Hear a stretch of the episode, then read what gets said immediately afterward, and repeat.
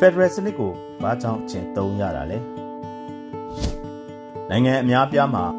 Federal စနစ်ကိုကျင့်သုံးရတဲ့အကြောင်းရင်းတွေရှိပါတယ်အဲ့ဒီထဲကအခြေခံကျတဲ့အချက်၃ချက်ကိုတင်ပြချင်ပါတယ်နံပါတ်1ဒန်းတူညီမျှရေးအတွက်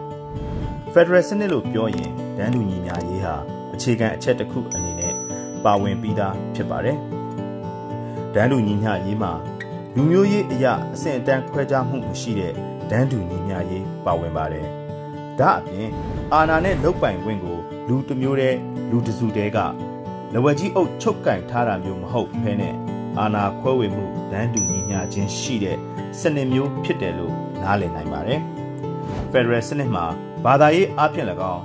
လူမျိုးရေးအဖြစ်၎င်းခွဲခြားဆက်ဆံမှုမရှိတဲ့ဒန်းတူညီမျှခြင်းတွေကိုရရှိနိုင်ပါတယ်။ နံပါတ်2ကိုပိုင်ပြဋ္ဌာန်းခွင့်အတွက်လူမျိုးစုအမတ်တရုတ်မျိုးကွဲတွေများပြားတဲ့နိုင်ငံမျိုးမှာ Federal စနစ်ကိုကျင့်သုံးခြင်းဖြင့်ကိုပိုင်ပြဋ္ဌာန်းခွင့်ကိုကောင်းမွန်စွာရရှိနိုင်ပါတယ်။ဒီနယ်အစိုးရနဲ့လူမျိုးစုဒေသတွေဟာကိုဒေသတွင်းကပြဿနာတွေအခက်အခဲတွေနဲ့ပြိပခတွေကိုဖြေရှင်းတဲ့နေရာမှာကိုပိုင်ပြဋ္ဌာန်းခွင့်ပြည့်ပြည့်ဝဝရပြီးဖြေရှင်းနိုင်ရင်ထိရောက်တဲ့စီမံအုပ်ချုပ်မှုတွေဖြစ်လာနိုင်ပါတယ်။ ဒီလိုကိုပိုင်ပြထမ်းခွင့်ကိုရရှိတဲ့အခါမှာ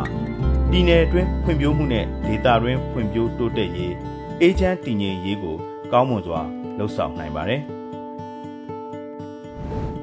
နံပါတ်3အားလုံးပါဝင်မှုအတွက်နိုင်ငံတနိုင်ငံမှာ Federal စနစ်မဟုတ်ဘဲဗဟိုဦးစီးစနစ်ဖြစ်နေရင်နိုင်ငံသူနိုင်ငံသားအားလုံးရဲ့နိုင်ငံရေးမှာပါဝင်နိုင်မှုဟာအကန့်အသတ်ဖြစ်နေတတ်ပါတယ်။ အထူးသဖြင့်လူမျိုးစုဒေသတွေမှာဌာနေလူမျိုးတွေရဲ့ပါဝင်လှုပ်ဆောင်နိုင်မှုကိုအကန့်အသတ်ဖြစ်စေပါတယ်။နိုင်ငံတွင်းမှာအင်အားကြီးတဲ့အုပ်စုတစုနဲ့အရေးအတွက်များတဲ့လူမျိုးတစ်မျိုးကနိုင်ငံရဲ့အရေးအရာအလုံးကိုလွှမ်းမိုးချယ်လှယ်ပြီးလက်ဝဲကြီးအုပ်ထားတာမျိုးဖြစ်နိုင်ပါတယ်။လူမျိုးစုအငယ်တွေနဲ့ဌာနေတိုင်းရင်းသားတွေရဲ့ပါဝင်မှုကိုကန့်သက်တားဆီးထားတာမျိုးတွေဖြစ်တတ်ပါတယ်။ Federal စနစ်ဟာ နိုင်ငံတွင်းမှာရှိတဲ့လူမျိုးအလုံးရဲ့ပါဝင်မှုကိုမြင့်တင်ပေးတဲ့စနစ်ဖြစ်ပါတယ်။အလုံးပါဝင်မှုကိုမြင့်တင်တဲ့အခါ